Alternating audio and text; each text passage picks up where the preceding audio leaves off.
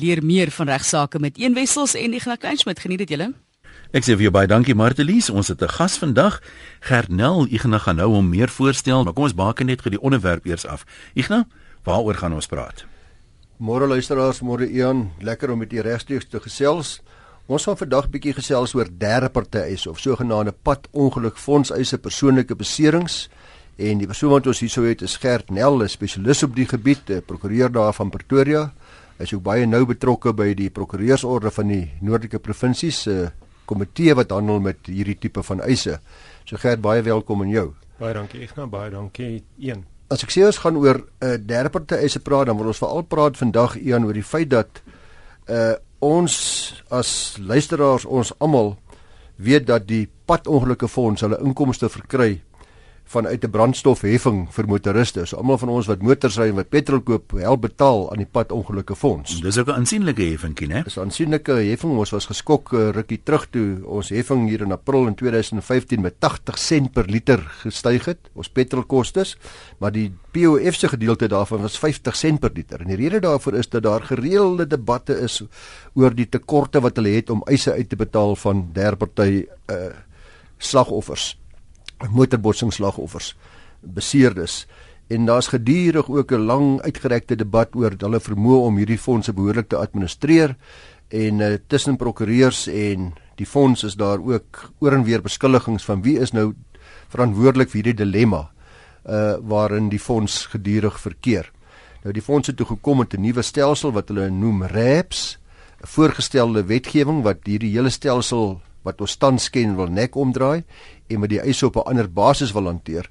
En ek sal uh, en luisteraars is baie welkom om daaroor in te skakel om te hoor hoe dit werk en wat dit presies beteken en uh, wat hulle ervaring is van dalk van die fonds self maar vandag het ons vir Gert hier om vir ons bietjie ook meer daarvan te vertel.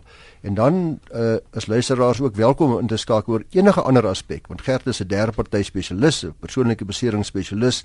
Enige ander aspek van derde party sake soos byvoorbeeld hoe werk die proses, waar begin 'n mens na 'n motorbotsing, wat doen 'n mens, wie mag almal 'n uh, derde party eise instel?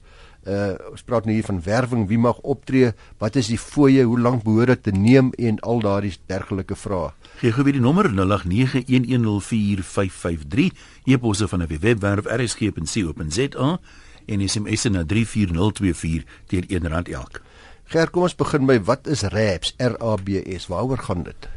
Ek nou RABS in kort staan vir Road Accident Benefit Scheme. Dit is basies die regering se oplossing vir die bestaande padongelukfonds se finansiële en administratiewe uh, probleme.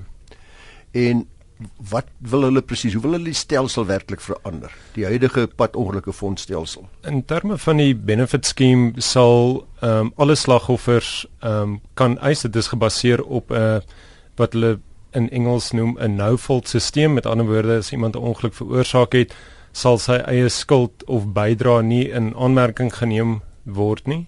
Verder meer is hy dan slaag om die administrateur te oortuig dat hy geregtig is op skadevergoeding sal hy dan 'n gestruktureerde voordeel kry nie noodwendig die volle voordeel of sy volle verlies nie maar slegs 'n gestruktureerde voordeel om byvoorbeeld dan op die korttermyn of die langtermyn vir hom 'n inkomste te verseker. Hier staan 'n SMS van iemand wat vra die skuld uh kwessie kan jy met ander woorde 'n eis instel selfs al is die ongeluk uit en uit jou skuld of speel dis die die die skuld enigsins 'n rol? Dit gaan glad nie meer 'n rol speel nie. Met ander woorde, almal wat in 'n motorongeluk beseer is, gaan 'n eis hê. Dit is korrek. Jy kan 'n persoon kry wat ehm uh, dronk is en in 'n kruising injaag en twee mense op die sypaadjie raak ry en hy self saam met die mense of dan nou hulle families as iemand afgesterwe het, sal almal kan kwalifiseer om van die voordele skema te kan eis. Een van die groot probleme is dat dit nou 'n uh, baie beperkte eis gaan wees vir almal. Dit is een van ons bekommernisse is om 'n uh, nou-volt stelsel te laat funksioneer gaan dit by implikasie inhou dat die voordele wat deur die administrateur aangebied word baie beperk moet word juis om hom meer bekostigbaar te maak. Wat natuurlik gebeur soms, ek meen soms is 'n mens nou gering beseer, jy herstel, jy kan weer werk, maar sommige mense eindig as paraplee, hulle vermoë om inkomste te verdien is is heeltemal weg, so hulle moet dan van die wat hulle uit die fonds uit kan kry, die res van hulle lewens hulle self kan onderhou, as ek reg as ek dit sê. Dis korrek. Dis 'n baie goeie voorbeeld van die bestaande stelsel in, in vergelyking met die voorgenome voordele skema op 'n bestaande stelsel waarmee ons tans werk, sal so 'n persoon sy volle skadevergoeding kan verhaal. Met ander woorde, wat ons in die praktyk doen is ons uh, vergelyk sy posisie voor die ongeluk met sy finansiële of sy mediese behoeftes na die ongeluk en daardie verskil of die grys area tussen die twee is dan sy skade wat hy ly. In terme van die voordele skema sal so 'n persoon afhangend van watter inkomste hy verdien het as hy byvoorbeeld meer as 220 000 rand per jaar verdien, sal hy behalwe vir noodsaaklike mediese dienste geen toegang tot die benefit skema hê nie. Daar sal nie vir hom enige inkomste ehm um, voordeel ingehou word nie as so 'n persoon onder ehm um, die die algehele of die nasionale inkomste verdien of glad nie 'n uh, 'n uh, 'n inkomste op hierdie stadium verdien nie sal hy onmiddellik op 'n spesifieke skaal ehm um, geplaas word en hy sal dan kan kwalifiseer vir die gemiddelde jaarlikse inkomste per persoon. Ehm uh, met ander woorde die meer gegoede eisers of slagoffers gaan byvoorbeeld glad nie toegang tot hom hê nie en jou ehm uh, minder gegoede of jou slagoffers wat dan op 'n op 'n ander vlak met ander woorde jou byvoorbeeld soos jou huis ehm um, jou bediendes wat wat ehm um, in die huis werk of jou tuinier wat minder as 4000 per maand verdien sal op 'n spesifieke vlak saam met die res van die eisers wat op op daardie ehm um, inkomste verdien uh, 'n voordeel kan kry. Die uh, voorstanders van REPS, as ek nou die pers het aflei, uh, se belangrikste argument is waarskynlik dat hulle sê dat hulle hierdeur die armes gaan bevoordeel. Is dit waar? Is het die armes tans nie toegang tot uh, derde party eise nie? Inteendeel, na die ehm um, almal word oor dieselfde kam geskeer heidaglik in terme van wat jou persoonlike omstandighede is. Met ander woorde, jou persoonlike situasie word in ag geneem en daarvolgens word vir jou 'n toekenning in terme van die huidige padongelukfonds wetgewing gegee. In terme van die voordele skema gaan jy afhangend van ehm um, of jy werkloos was en of jy wel 'n werk verdien het en of jy wat afhangend van wat jou inkomste was, gaan jy 'n spesifieke toekenning kry. Die toekenning is nie daarop gerig om jou geheel te kompenseer nie, maar bloot net om 'n tydelike of indien jy daarin slaag om hulle te oortuig dat jy 'n langtermynvoordeel kan kry dat jy dan daarop geregtig sal wees. Uh, Gert is belangrik dat daai nie misverstande by ons luisteraars moet wees nie. Ons praat nou nog van 'n stelsel wat net voorgestel word. Dis korrek. Ja. Hoe ver is die is dit op die pad? Uh, Dis op hierdie ons dit verwag. Alle aanduidings blyk of dui daarop dat die regering met alle mag en mening die wetgewing so gou as moontlik wil implementeer. Op hierdie stadium is dit nog 'n konsep, uh, dit moet nog terugverwys word na die parlement vir goedkeuring. Uh dit was aan die einde van 2014 voorgelê vir kom uh publieke kommentaar. Ons is nie seker of die regering dit in ag geneem het nie. Uh maar dit is baie duidelik dat die regering hierdie wetgewing so gou as moontlik wil implementeer. Die belangrike vraag is ek net byvoorbeeld nou by jou kom en ek verdien 50000 rand 'n maand. Ek vra nou 'n praktiese voorbeeld van die verskil tussen die twee stelsels. Ek verdien 50000 rand 'n maand. Ek het uh, my uh, groot mond verloor. Ek kan nie meer so baie praat nie. Dis wat ek uh, kan nie meer my beroep beoefen nie. Ek het my been verloor ek het 'n baie ernstige besering. My toekomstige verlies van aan inkomste is 50000 rand vir vir 20 jaar wat ek nog dit mag wees. En uh min of meer hoe gaan my eiste werk gaan wat huidige stelsel betref en hoe gaan dit wees onder die nuwe stelsel? Weerens ek nou in terme van die huidige stelsel word jou persoonlike omstandighede spesifiek in aanmerking geneem wanneer 'n toekenning gemaak word. Met ander woorde, jou uh, werklike inkomste word in ag geneem en daar word 'n aktuariële berekening gedoen oor wat jou potensiële of werklike verlies sou wees indien jy in terme van die wet ehm um, daarin sou slaag om die padongelukfonds te oortuig dat jy geregtig is op algemene skade, sal jy ook geregtig wees op 'n lompsom bydra uh, wat spesifiek uh, verwys na die besering, die aard en die omvang van die besering wat jy opgedoen het. In terme van die voordele skema gaan jy op 'n spesifieke skaal geplaas word in terme van jou inkomste. Algemene skade val heeltemal weg. Jy gaan ook jou reg verbeur om enigsins van die delikpleger te eis. Ek mag dalk net bydra in terme van die bestaande wet het jy ook nie daai reg nie. Maar jy kan jou volle skadevergoeding van die padongelukfonds waarop jy geregtig is verhaal in terme van die voordele skema gaan jy nie daai voorreg hê nie. Jy gaan bloot 'n gestruktureerde toekenning kry waarvoor jy dan ehm um, periodiek 'n aanmerking sal moet doen of sal moet aansoek doen. Dit val dit verval na 'n sekere periode van tyd. Met ander woorde, jy dit is nie geen dit verskaf geen langtermyn sekuriteit nie. Jy gaan op aandrang van die administrateur jouself aan mediese ondersoeke moet ehm um, voorlê ten einde uh, vir hulle aanduiding te kan gee of jy nog steeds geregtig is op daai voordeel al dan nie. Gou vinnige uh, SMS of twee vrae net wat nie lank behoort te neem om uh, te antwoord nie. Iemand vra hier, moet die ongeluk op 'n openbare pad plaasvind of wat van as dit op 'n plaas is op privaat grond? Kan 'n mens dan as iemand daar beseer word, as 'n trekker val om of so iets, kan jy dan steeds van die fonds eis of nie? Die algemene reël een is dat dit 'n uh, voertuig moet wees wat deur petrol, diesel aangedryf word. Dit is die algemene reël. So of dit op 'n openbare pad en of dit op 'n op 'n grondpad gebeur het, dit is nie die die ehm um, riglyn nie. Daar was in die verlede ehm um, sprake of 'n voertuig waarin jy vervoer is aan die vereistes van wat as 'n voertuig beskou word in terme van die padongelukfondswet voldoen. So daar kan dalk sprake wees dat as jy nou op 'n onpadwaardige voertuig of 'n voertuig wat jy nou sommer self in jou agterplaas in mekaar slaan, ja. as jy in so 'n voertuig betrokke is, kan jy dalk 'n probleem optel, maar die algemene riglyn is so lank as wat daar petrol of diesel betrokke is wat daardie voertuig of ehm um, aandryf behoort jy te kan kwalifiseer. Kyk vir iets soos dronk bestuur is 'n fiets se voertuig, maar dit sal nie hier wees as jy met jou fiets in 'n boom vasjaag en jy breek jou nek byvoorbeeld. Glad nie nee. Dan vra iemand of jy 'n idee het wat die totale inkomste van die fonds min of meer per jaar is. Ons het nou gepraat van die heffing per liter brandstof, wat jy min of meer 'n 'n ballpark syfer, maar dit moet miljarde wees. Ja, volgens 'n onlangse ehm um, koerantberig wat in die beeld ehm um, bekend gestel is, het uh, Dr. Eugene Watson van die padongeluk vir ons aangedui dat hulle maandeliks 3 biljoen rand uh, ontvang in terme van die petrolheffing. 3 biljoen. Hoeveel nulle is dit nou 'n miljoen en nog 3 nulle? Hoeveel is dit? Ja, sweet. Ja. Ek kan my net kop, my kop is bietjie plat vir daai tipe geld. Kan my net byvoeg daarso. Dis meer as 'n jaar se salaris, besef jy dit? Verskriklik. en dan moet jy dan onthou dat dieselfde Dr Watson se uh, vergoeding het in die boekjaar wat dieselfde beeld berig ja. meld einde Maart 2015 gestyg met 28% tot 6,4 miljoen rand per jaar. Nou dit is uh, wys vir daar's groot geld wat ter sake is. Hulle het eise uitbetaal in daardie boekjaar van 21,5 miljard teenoor die vorige jaar se 22,2 miljard.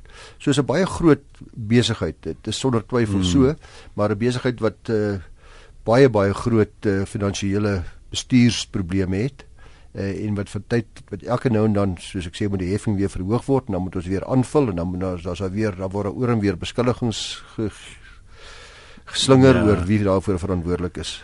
Nog 'n vinnige vraagie, ek meen ons dit is 'n langsame proses en ek weet daar is nie 'n maklike antwoord nie, maar iemand vra ehm um, is daar min of meer daar's nie 'n riglyn dat eise moet afgehandel word sê maar binne 12 maande of 24 maande nie. Want die persoon sê ek weet van mense wat al jare sukkel om iets uit die fonds uit te kry. Dit is maar 'n langsame proses kan 'n mens nie bespoedig op 'n manier nie of is daar iets ingebou in die wetgewing wat soort van teikendatums vir afhandeling daarstel of nie regtig nie? Um, inderdaad in terme van die huidige padongelukfondswet het die uh, fonds 120 dae om 'n eis te ondersoek waar na hulle regtens vir jou aanbod moet maak op die stukke wat jy of jou prokureur dan ingedien het.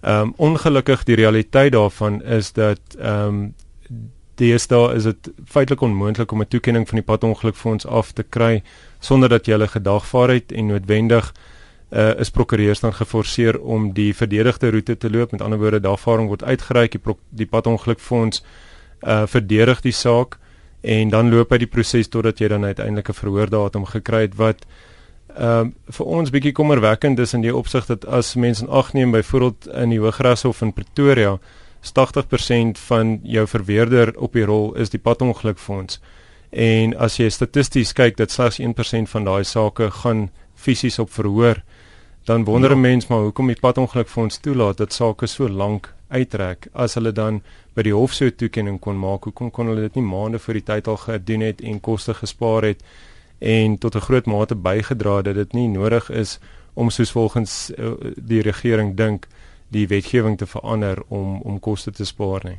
Is hier verjaringstydperke betrokke ja. van mense dalk jy net vir ons vinnig daaroor ja. inlig? Die algemene reël is dat jy 3 jaar tyd het vandat jou vandat jy in 'n ongeluk betrokke was om 'n eis in te dien by gevalle waar die identiteit van die bestuurder nie bekend is nie, verminder dit na 2 jaar toe. Ons noem dit in die praktyk hit and run eise en dan verjaring loop glad nie teen kinders of geestesongestelde persone nie behalwe by ehm um, hit and run uh, sake soos wat ek vroeër verduidelik het.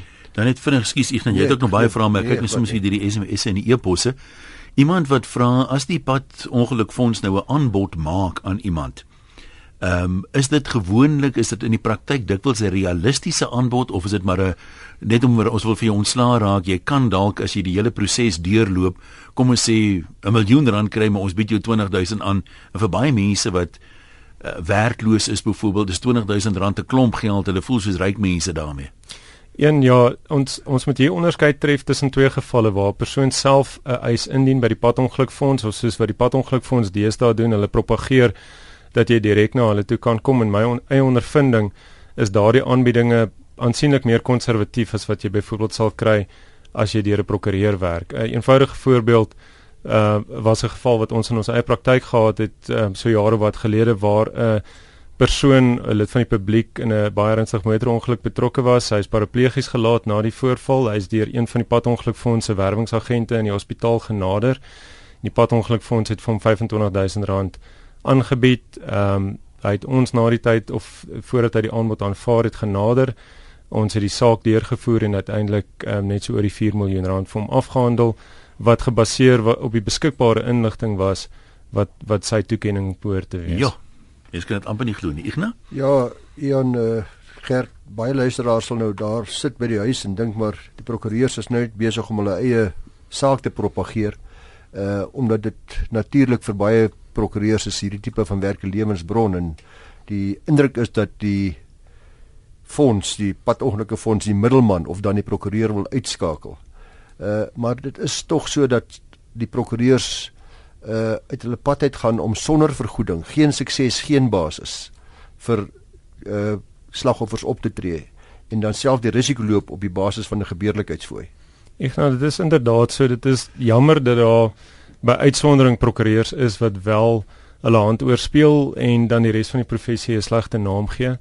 Dit is eintlik as mens gaan kyk na wat 'n prokureur te doen staan in onder sulke omstandighede dat hy die risiko op homself neem en dan sy kliënt se eis vir hom finansier vir op 'n minimum 3 jaar wat hy dan besig is met so 'n instruksie dat hy dan alle koste namens so 'n persoon dra en dan uiteindelik in baie gevalle wonderlike resultate vir hulle kliënte kry en dan wel gebaseer op die beginsel dat jy net een keer 'n kans het om so eis te kan doen is dit uit en uit ehm um, vir die publiek of dan vir die uh slagoffer die moeite werd om definitief van 'n prokureur gebruik te maak.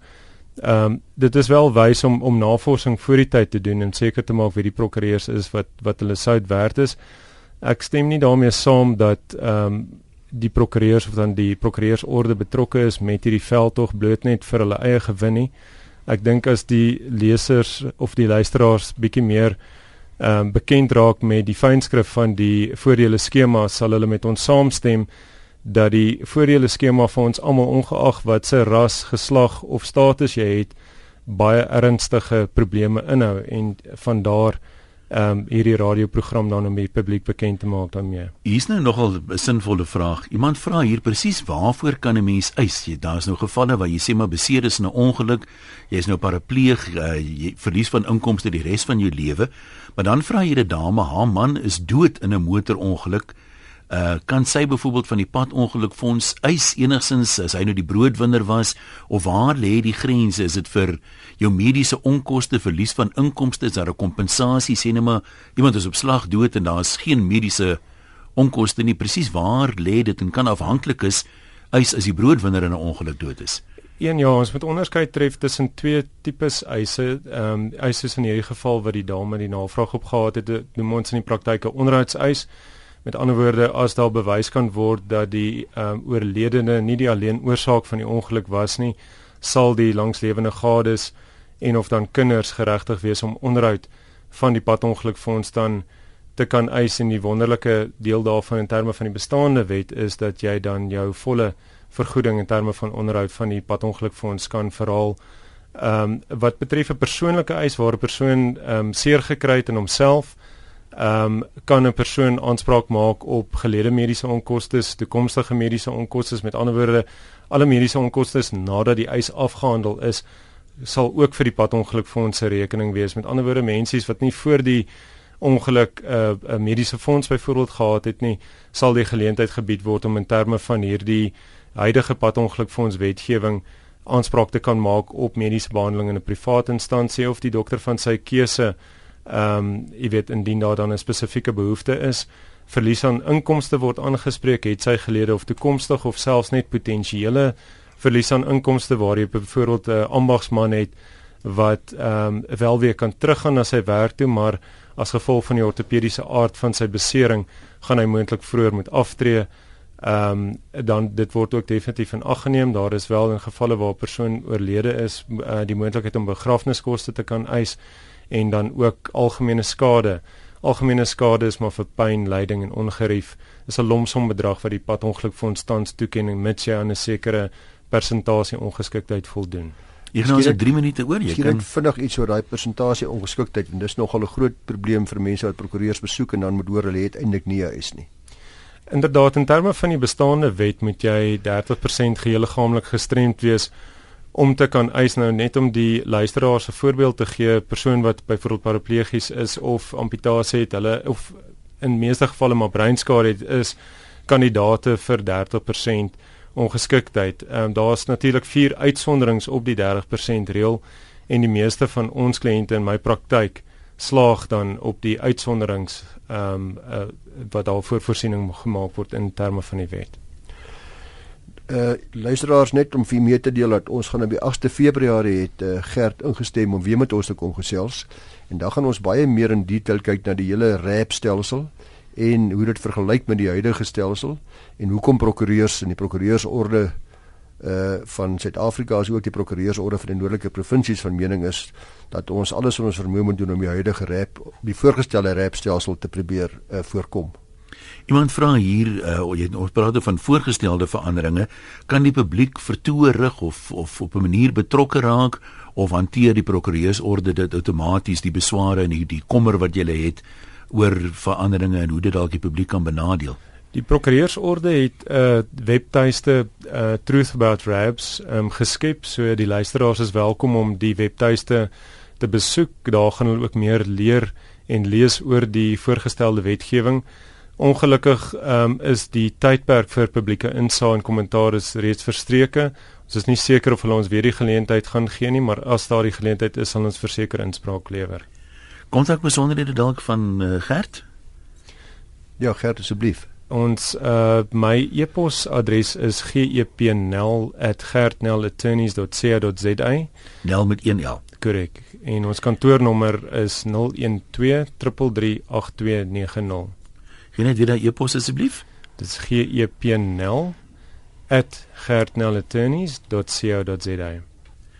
Ek dink dis min of meer al waarvoor ons gaan uh, tyd hê. Nou laaste woordjie dalk van jou af. Nee, van my kant af net vir almal van u wat uh, beseer is in motorbotsings, uh, gaan sien gerus u naaste prokureur en ek kan u verseker dat uh, daar baie streng gekyk word dat prokureurs die vereistes nakom wat betref uh, integriteit en etiek wat betref derde partye eise.